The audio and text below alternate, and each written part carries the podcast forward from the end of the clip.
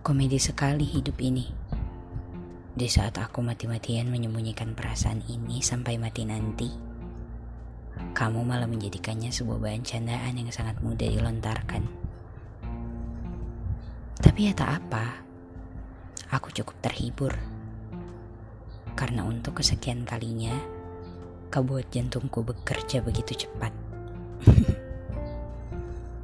Tapi jangan lagi ya. Kalau aku tak sanggup lagi bagaimana? Huh. Mungkin memang lebih baik tak menyukaimu kan?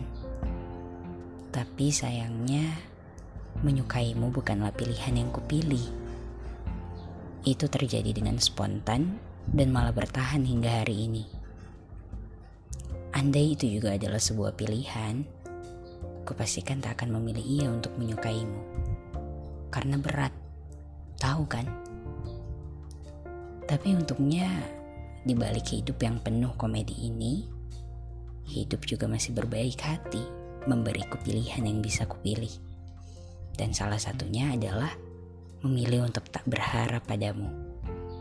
Iya, itu yang bisa kupilih.